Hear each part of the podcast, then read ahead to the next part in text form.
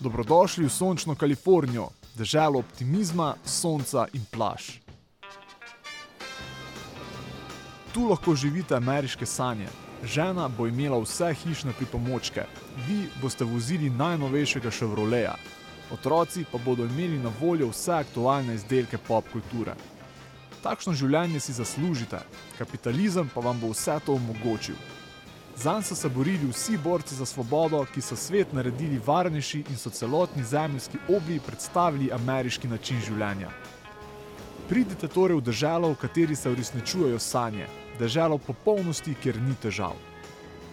Grelo vas bo večno sonce, imeli boste svoj mir, saj se v tem raju na zemlji ljudje nimajo način pritoževati. Na Brklju so protesti. Kaj? Kaj se dogaja na Brklju? There's a time when the operation of the machine becomes so odious, makes you so sick at heart that you can't take part. You can't even passively take part. And you've got to put your bodies upon the gears and upon the wheels, upon the levers, upon all the apparatus, and you've got to make it stop. And you've got to indicate to the people who run it, to the people who own it, that unless you're free, the machine will be prevented from working at all.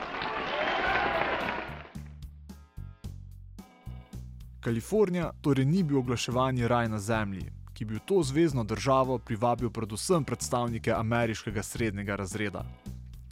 Kalifornija je postala nov frontier, nova meja ameriškega kulturnega imaginarja. Osvajalci tega novega prostora so bili predvsem mladi skavci smisla in alternativnih načinov življenja. Kalifornijo 60-ih je tako zaznamoval kontrakulturni optimizem ter želja mladih po družbenih spremembah. Slišali ste govor Marija Savija, vodje študentskega gibanja na Univerzi Berkeley, ki se je zauzemalo za svobodo govora. Free Speech Movement je začetek kontrakulturnega aktivizma v Kaliforniji ter s tem glasnik kulturnih sprememb, ki so zavedno spremenila našo družbo. Med drugim je to obdobje bistveno vplivalo na zgodovino popularne glasbe. Od samega začetka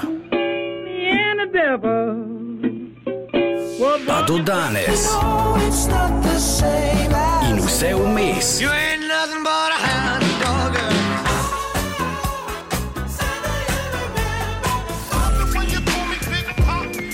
Throw your hands in the air if you's a true player.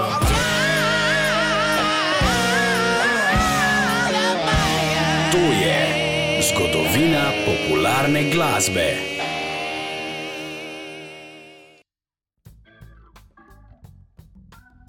LA se je čez čas izkazal za zelo površinsko mesto, za mesto z make-upom, ki zakriva njegovo globoko zakorenjeno problematiko, kar danes velja še bolj kot je veljalo takrat. Vendar v tej epizodi zgodovine popularne glasbe to potisnimo v zadje in se poskusimo uživeti v optimistično družbeno klimo, ki je sredi 60-ih vladala v Združenih državah Amerike. Ta oddaja je nadaljevanje prejšnje, v kateri smo govorili o folk revivalu. Zato vam, če omenjene epizode še niste poslušali, to toplo priporočam. Vam pa zagotavljam, da tudi današnja epizoda vzdrži kot samostojna oddaja. Poglobimo se torej v folk rock, ki kot omenjeno izvira iz folk revivala. Glavna figura pri obeh žanrih pa je kdo drug kot Bob Dylan. Večina folk rock glasbenikov izvira iz klasične folk scene, pod vplivom Dylana in Beatlov pa so se preusmerili v ustvarjanje elektrificirane in bolj pop variante folk glasbe. Folk rock lahko najbolj preprosto definiramo kot zmes ameriške folk glasbe ter elektrificiranega roka, ki so ga iz Velike Britanije v ZDA pripeljali bendi britanske invazije. Tako je folk rock nadaljevanje folk revivala, vendar predvsem glasbeno, ne pa toliko politično in aktivistično. Dejansko je bil nov žanr, vsaj na začetku, v veliki meri apolitičen. To se je sicer spremenilo v poznih 60-ih, ko so manjšinska gibanja in njihove politike vdrle v mainstream in se jim ni bilo več moč izogniti. Tako kot pri drugih žanrih, tudi pri folk rocku ni neke hude konsistence. Nedvomno pa folk rock celostno gledano ni toliko aktivističen kot je bil folk revival. Vseeno pa je to čas splošne politizacije mladine, tako da se je družbena kritika v določeni meri preselila v vse glasbene žanre. Folk je torej doživel preobrazbo, ki je pomenila manj aktivizma in več roka. Tako je po večini izgubil svoj politični naboj in je postal popularna glasba. Se je pa potrebno zavedati, da ne obstajajo neke jasne ločnice med gibanji in žanri. Te meje pa se še dodatno zabrišajo, ko se večina glasbene industrije preseli v LA. Tako pod oznako folk rock najdemo elektrificirane bende kot so The Birds, Buffalo Springfield in The Turtles. Hkrati pa folk rock zajema tudi kant avtorsko gibanje z glasbeniki kot so Joni Mitchell, Harry Nilsson in Yusuf Cat Stevens. Nekateri pa glasbo kant avtorjev, ki so večinoma prihajali iz Južne Kalifornije, opredeljujejo kar kot kalifornijski zvok. Predvsem omenjeni kant avtorji so se v poznih 60-ih borili proti glasbeni industriji in njenim zahtevam po 3-minutnih hitih, ki gredo hitro v uho. Če so bila 50-ta obsedena s tem, kako je nekaj videti, so bila 60-ta usmerjena v notranjost, v to, kako nekaj v resnici je. Autentičnost je bila pomembnejša od samega videza. Folk je nekakšen začetek resne intelektualne glasbe, ki se je poskušal cepiti od klišejev popa. Je glasba substanco in sporočilom, v 60-ih pa je bila del kulturne revolucije. Folk rock se tako razvija v času družbenih sprememb in zahtev po alternativah. Te nove vrednote, ki sicer veliko črpajo iz romantike, pa seveda vplivajo tudi na ustvarjanje glasbe. V 60-ih se glasbeniki začnejo dojemati kot umetniki in ne zgolj kot zabavljači. Svoje ustvarjanje pa karakterizirajo kot resen umetniški projekt. Najlažje se to transformacijo opazi v razvoju glasbenega albuma. Ti sredi 60-ih postanejo celostni umetniški projekti in ne le skupki posameznih komadov, ki med seboj niso povezani. Spremeni se celoten koncept albuma, poleg same glasbe pa postane pomemben tudi uvitek plošče. Če ste kdaj opazovali platnice albumov, ki so bili posneti pred letom 1965, ste zagotovo opazili, da gre za bolj ali manj preproste slike skupin. Sredi 60-ih se to začne spreminjati z večjo abstrakcijo fotografij. Vse skupaj pa doseže vrhunec z belim albumom Beatlov ali pa s četrtim albumom Led Zeppelinov, ki na ovoju nimajo niti imena skupine. Predhodnik vsega omenjenega je seveda Bob Dylan, ki je najbolj zaslužen za to, da je popularna glasba pridobila status resne umetnosti. In zdaj je končno napočil trenutek za komat, ki je tako zelo revolucioniral popularno glasbo. Like a Rolling Stone je podaril marsikatero bariero v glasbeni industriji.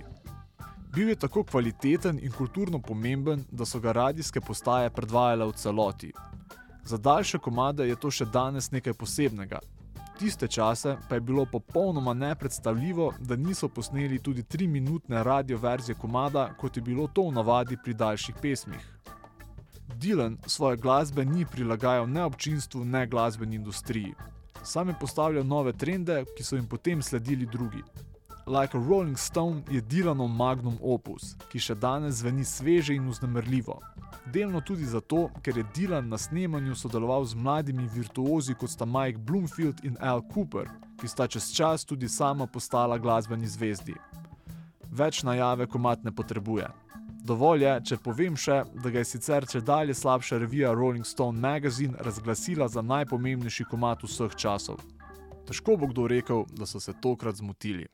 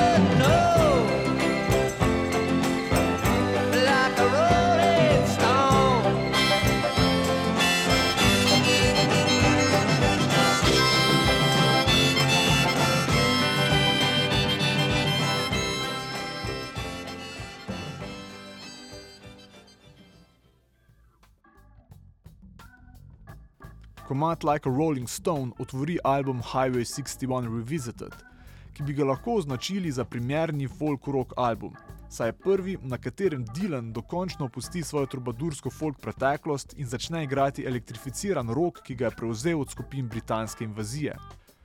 Tudi besedila niso več tako direktna, kot so bila na njegovih zgodnjih delih, saj postanejo mistična in ezoterična. Za dokončni premik iz folk revivala v folk rock je najbolj odgovoren prav Dylan. Točko preloma pa zagotovo predstavlja njegov kontroverzni nastop na Newportskem folk festivalu julija 1965. A Dylan je vseeno preveč kompleten in mističen glasbenik, da bi ga lahko poenostavljeno opredelili za folk rockerja. Zato glasbeni zgodovinari začetek tega žanra ponavadi postavijo en mesec pred Dylanovim nastopom na Newportskem festivalu, saj je takrat išel prvi singel skupine The Birds. Gre za komat Mr. Tambourine Man, ki je seveda priredba Dylanove pesmi in tako predstavlja popoln miks folka in angliškega roka. Leta 1965 smo namreč že v času britanske invazije, kulturnega fenomena, ki je imel ogromen vpliv na glasbo, modo in pop kulturo v ZDA.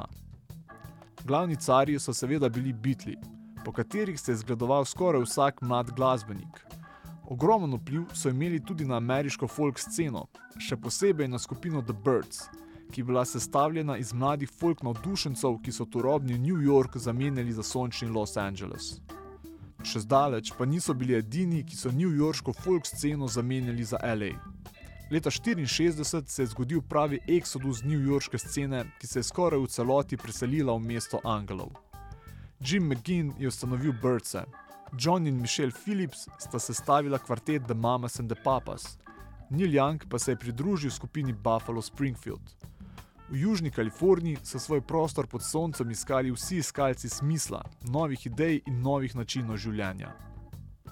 Predvsem The Birds so pod vplivom Beatlov k svoji glasbi začeli dodajati elemente britanskega roka. To je sicer močno razjezilo folk puriste, vendar je skupina lepo zadela takratni Zeitgeist, ko je k svojim folk koreninam dodala rock elemente. Značilnost skupine je bil predvsem žvenketajoč kitarski zvok, ki ga je kitarist Jim McGinn ustvarjal z 12-strunskim Rickenbackerjem. To je prav tako pobral po bitlih, saj George Harrison v filmu A Hard Day's Night igral ravno takšno kitaro. The Birds veljajo za glavni band folk rocka, saj so sami začeli in čez dobri dve leti tudi končali osrednje obdobje tega žanra. Vrhunec folk rocka je bil namreč kratkotrajen, saj so se izvajalci hitro preusmerili v iskanje novih zvokov. Prav tako pa je potrebno poudariti, da so se takrat glasbeni trendi izmenjavali hitreje kot danes. Poleg nagenosti k eksperimentiranju je veliko vlogo pri teh menjavah trendov odigrala glasbena industrija, ki je od glasbenikov zahtevala, da na leto izdajo tudi po dva nova albuma.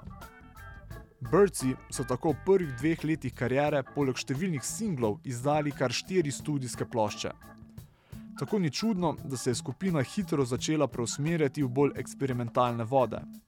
Njihov album The Fifth Dimension velja za začetnika psihedeličnega roka, ki je pod vplivom vzhodnih religij postaja popularen predvsem na vzhodnji obali ZDA.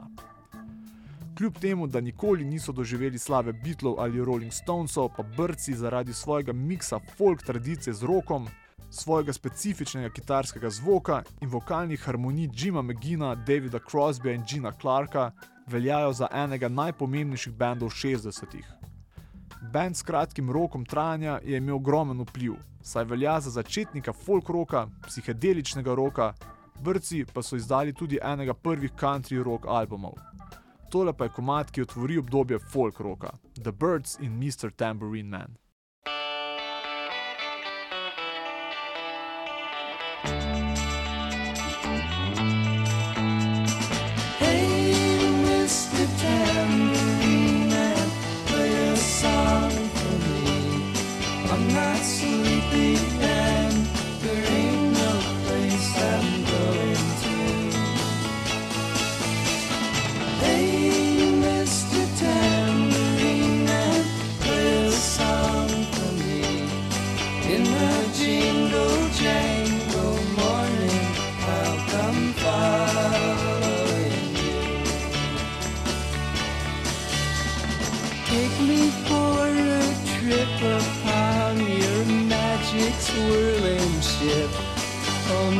Senses have been stripped, and my hands can't feel to grip, and my toes too numb to step.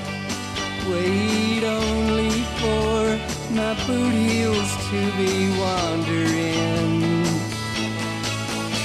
I'm ready to go anywhere. I'm ready for to fade onto my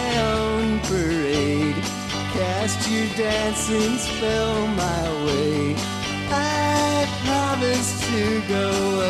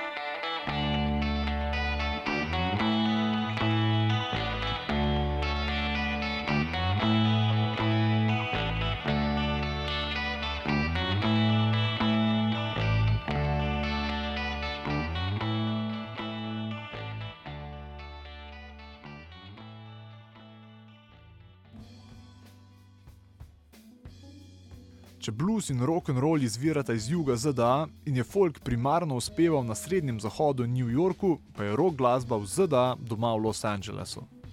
Od 60-ih naprej se mladi glasbeniki iz vseh koncev države selijo v Kalifornijo.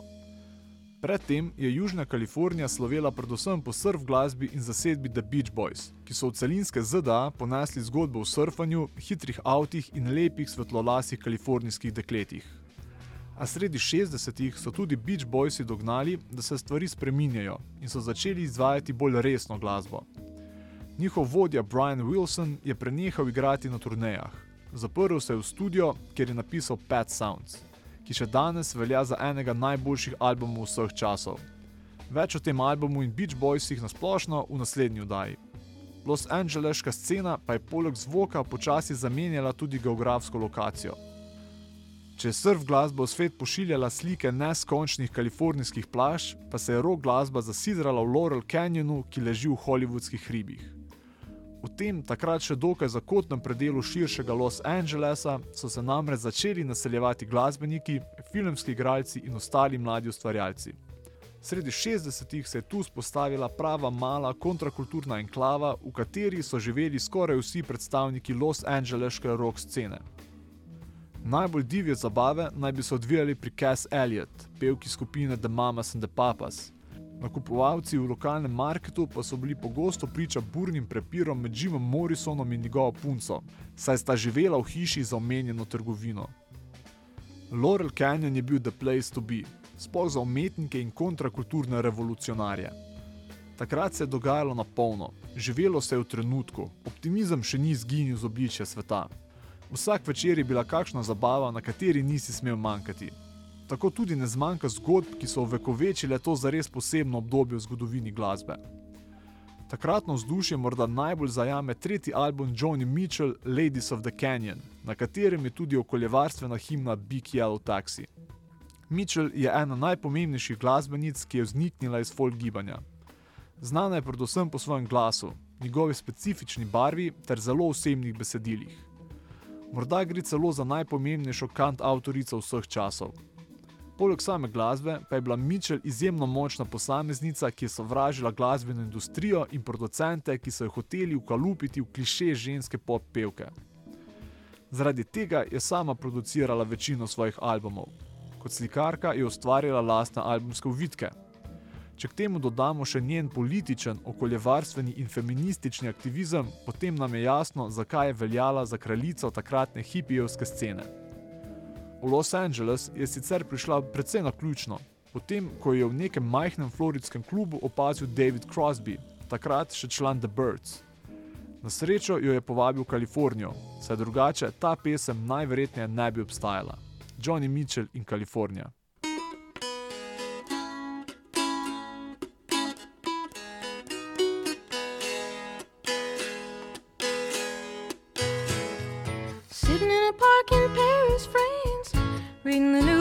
Sure looks bad.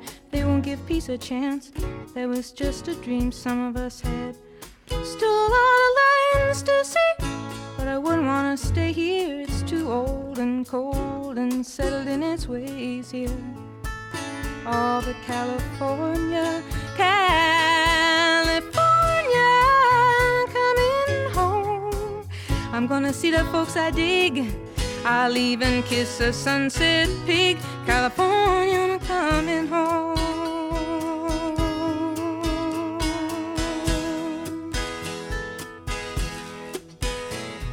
I met a redneck on a Grecian Isle who did the goat dance very well. He gave me back my smile, but he kept my camera a cell.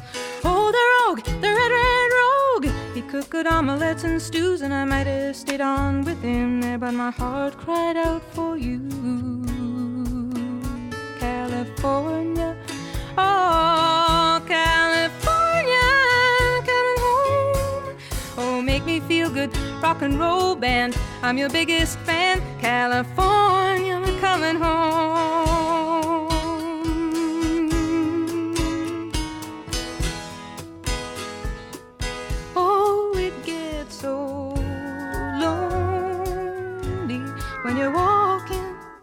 Streets are full of strangers. All the news on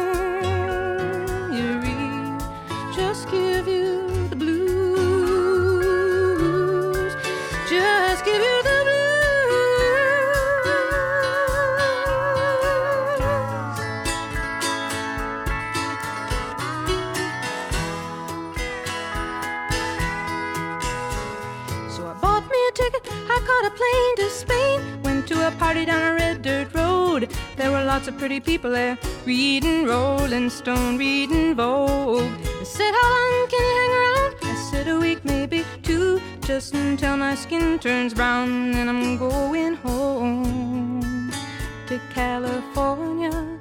California, I'm coming home. Oh, will you take me as I am? Strung out on another man. California, I'm coming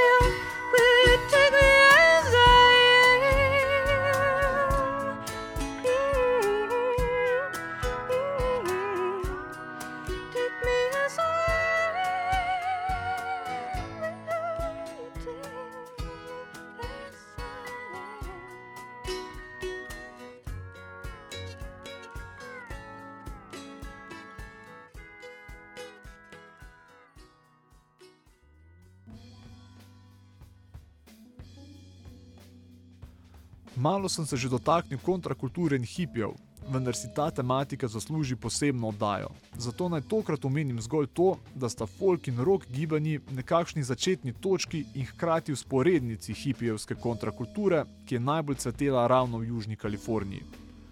Ob folku je glaven žanr hipijevskega gibanja nedvomno psihedelični rock, zato bomo kontrakulturo podrobneje obravnavali v sklopu tega žanra. In ravno zaradi vseh teh različnih odvodov roka je LA v 60-ih postal glasbena prestolnica sveta.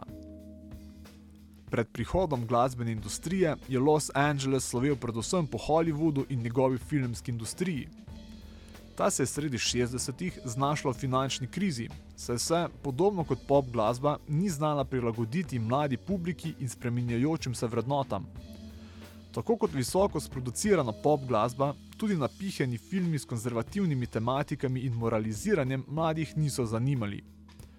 Zaradi finančne krize so obupani studiji leta 1966 priložnost ponudili mladim režiserjem s kontrakulturnimi prepričanji, ki so z nizkim budžetom posneli velike hite, kot je bil naprimer film Bonnie and Clyde. Še večji uspeh pa je doživel The Graduate, oziroma diplomiranec z Dustinom Hoffmanom v glavni vlogi. Poleg samega sloga snemanja in za tiste čase kontroverzne tematike, je bil ta film poseben tudi zaradi tega, ker sta originalno filmsko glasbo napisala pop glasbenika Simon in Garfunkel. Vsaj toliko kot glasbena scena je bil s kontrakulturo navdahnjen tudi film, ki je ravno v drugi polovici 60-ih vstopil v obdobje tako imenovanega novega Hollywooda. Da bi pojasnil to spremembo v popularni kulturi, moramo stopiti malce v stran in pojasniti družbeno-politične spremembe, ki so se dogajale v zahodni in predvsem ameriški družbi tistega časa. Družinske vrednote, ki jih kot večne tako zelo opeva današnja konzervativna desnica, so v realnosti prevladovale samo kakšnih 20 let, od konca druge svetovne vojne pa do sredine 60-ih. Zaradi ponovnega vzpona konzervativnih struj je v današnji družbi tako zelo prisoten mit in idealizacija ameriškega predmestnega življenja v 50-ih. Redko pa se v današnji kulturi govori o tem, da je dominacija družbene ureditve, v kateri žena v predmestju skrbi za otroke in gospodinstvo, medtem ko je moški edini, ki je v družini odgovoren za finance, trajala le kakšnih dve desetletji, kar se je hmalo sprevrgla v polomijo. Predvsem zaradi dejstva, da so se vsi počutili utesnjene in ujete v svojih rigidnih družbenih vlogah. Bili so žrtve ameriškega sna, mitologije individualizma, ki jim je obljubljala družinsko življenje in avanturo. Vendar obojega hkrati ne moreš imeti. Če hočeš ameriški sen, torej družino, avto, dom, konformizem, potem izgubiš svobodo, avanturo in individualizem. Kontrakultura tistega časa je bila tako zastrašujoča, predvsem zato, ker se je odpovedala ameriškemu snu. Mladi, ki so videli nesrečna in utesnjena življenja svojih staršev, so spregledali propagando in so imeli jajca izbrati nekaj drugega. Celoten rock žanr z vsemi možnimi podžanri temelji ravno na uporu, na želji biti drugačen, biti to, kar si. Veliko teh vrednot, ki so bile starejšim takrat tako tuje, je obravnaval tudi film Diplomiranec. Ta velja za glasnika nove dobe tudi zaradi obširne uporabe pop glasbe. Prav za ta film sta Simon in Garfunkel napisala komad Mrs. Robinson.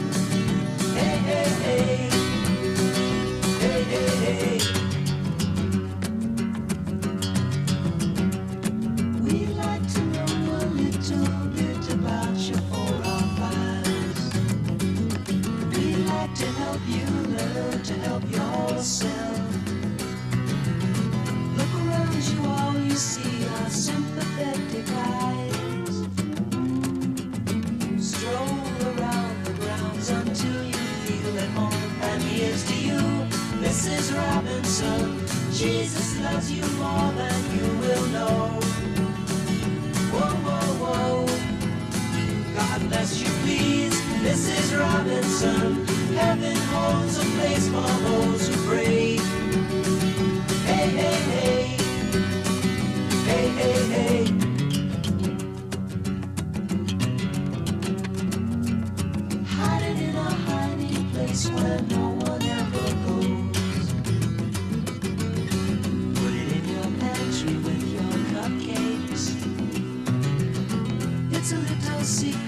Just the Robinsons affair. Most of all, you got to hide it from the kids. Cuckoo, cuckoo, Mrs. Robinson. Jesus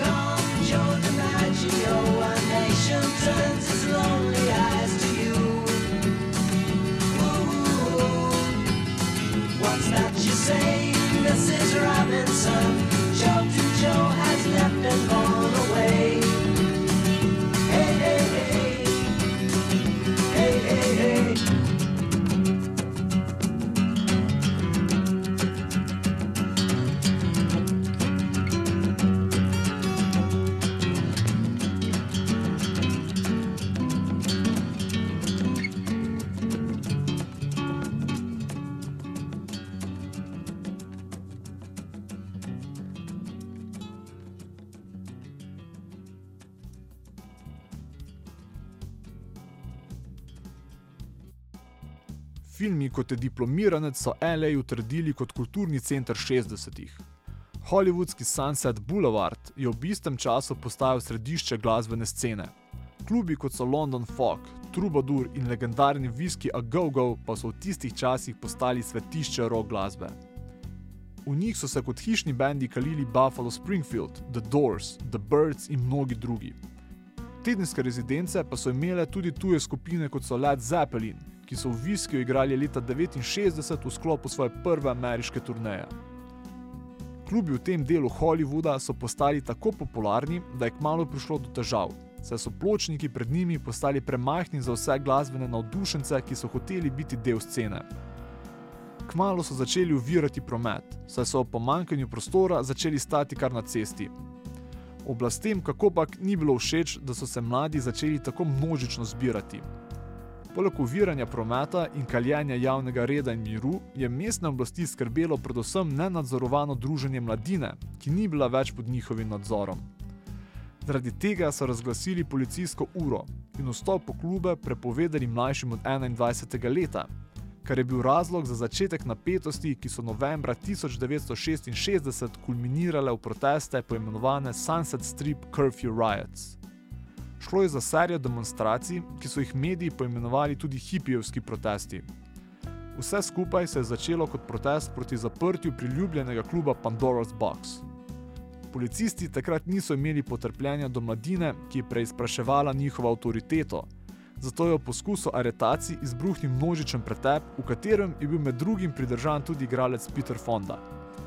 Ti protesti, ki veljajo za začetno fazo kontrakulture, sicer niso bili odkrito politični. Mladi so zgolj nasprotovali rušenju kluba in policijski uri. Prelomnico pa predstavljajo predvsem zato, ker so mladi v javnosti prvič množično izrazili svoje nezadovoljstvo z obstoječim redom. Ti idejno sicer precej banalni protesti so pomembni predvsem zato, ker kažejo na ogromen medgeneracijski prepad v družbi. Od protestov za svobodo govora, ki smo jih omenili na začetku, pa se razlikujejo po tem, da ne gre več samo za razkorak med establishmentom in izobraženimi študenti, ampak tudi za generacijski prepad med starejšo generacijo in mladimi, ki so začeli množično zavračati vrednote in življenjski slog svojih staršev. Najbolj znano vekovečenje teh dogodkov zagotovo predstavlja komat For What It's Worth, zasedbe Buffalo Springfield. Njihov pevec Steven Stills je proteste doživel živo. Komat, ki ga je ustvaril kot odgovor na policijsko brutalnost, pa je postal protestna himna predvsem zato, ker lepo zajame občutek takratne vse prisotne paranoje.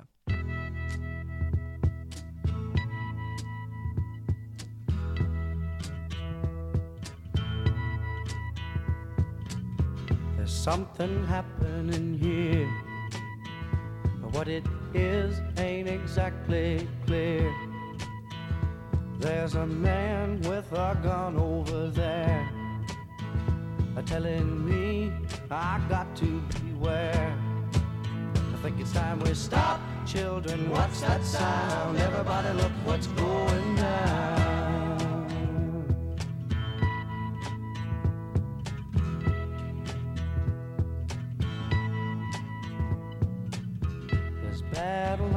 Being drawn. Nobody's right if everybody's wrong. Young people speaking their minds are getting so much resistance from behind. Time we stop. Hey, what's that sound? Everybody, look what's going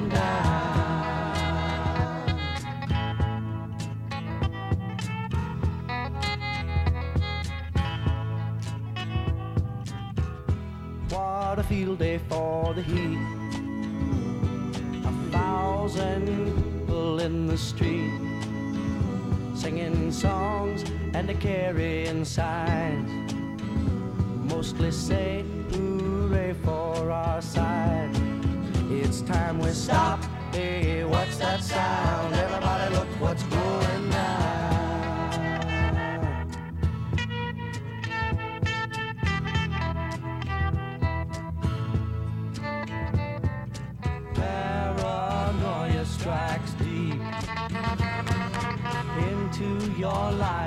Will creep. It's starts when you're always afraid. Step out of line, the man come and take you away. We better stop. Hey, what's that sound? Everybody look what's going down. Stop. Hey, what's that sound? Everybody look what's going. We better stop now. What's that sound?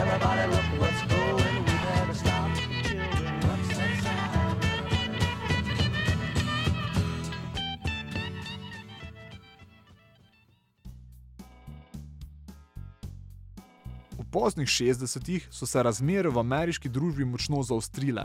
Protesti za svobodo govora, spolno in rasno enakopravnost so bili vse bolj pogosti in na trenutke tudi militantni.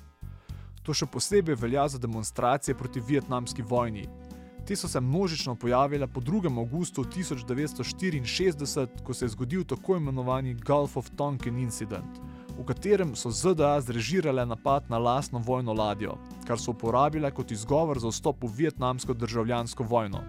V jugovzhodno Azijo so začeli množično pošiljati tudi pehotne vojake, ki so jih izžrebali na naboru, kar je pomenilo, da so bili vsi moški med 18 in 26 letom pod določenimi pogoji lahko poklicani v vojsko. Z eskalacijo vojne pa so eskalirali tudi protesti. To pa se je kako pak poznalo tudi v glasbi. Protestna glasba se je iz folka preko folk roka prenesla tudi na širši rock žanr. Folk rock je v prvi vrsti sopotnik kontrakulture, na trenutke pa se je z njo tudi aktivno promešal. Eden vidnejših članov tega gibanja je bil David Crosby, nekdanji kitarist Birdsov, ki je leta 1968 skupaj s Stevenom Stilsom, nekdanjim frontmanom Buffalo Springfield, in Grahamom Nashom, kitaristom The Hollies, ustanovil eno prvih superskupin.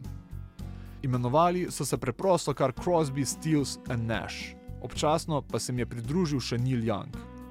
Skupaj so veljali za zelo vokalne kritike takratnega družbenega sistema, zato ni čudno, da so ravno oni napisali morda največjo kritiko tedanjega družbenega stanja. Komad s preprostim imenom Ohio nosi precejšno sporočilnost, saj ga je Neil Young napisal kot odgovor na vojaške umore, ki so se zgodili 4. maja 1970 na kampusu Univerze Kent State. Tam so že četrti dan potekale demonstracije proti vietnamski vojni.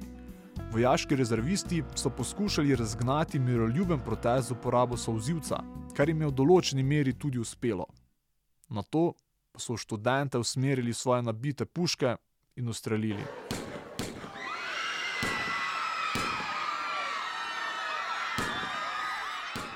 Nacionalna garda je umorila štiri neoborožene študente, še devet pa jih je ranila.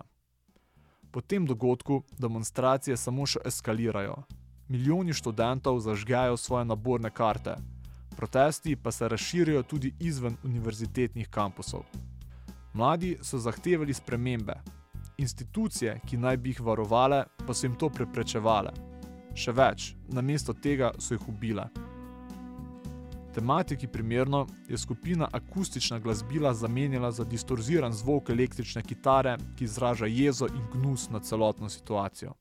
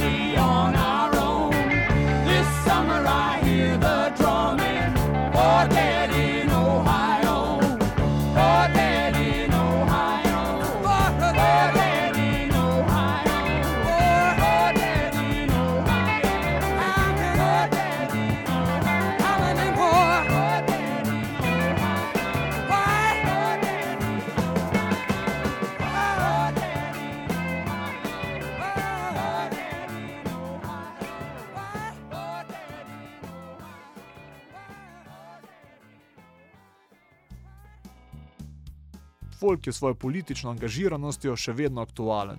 Predvsem komadi kot je Ohio, saj ljudje na pozicijah moči še vedno ustvarjajo grozote, bedo in revščino, ki jo najbolj čutijo ljudje iz družbenega roba. S to mislijo pa končujem dvodelno popotovanje po svetu folk glasbe.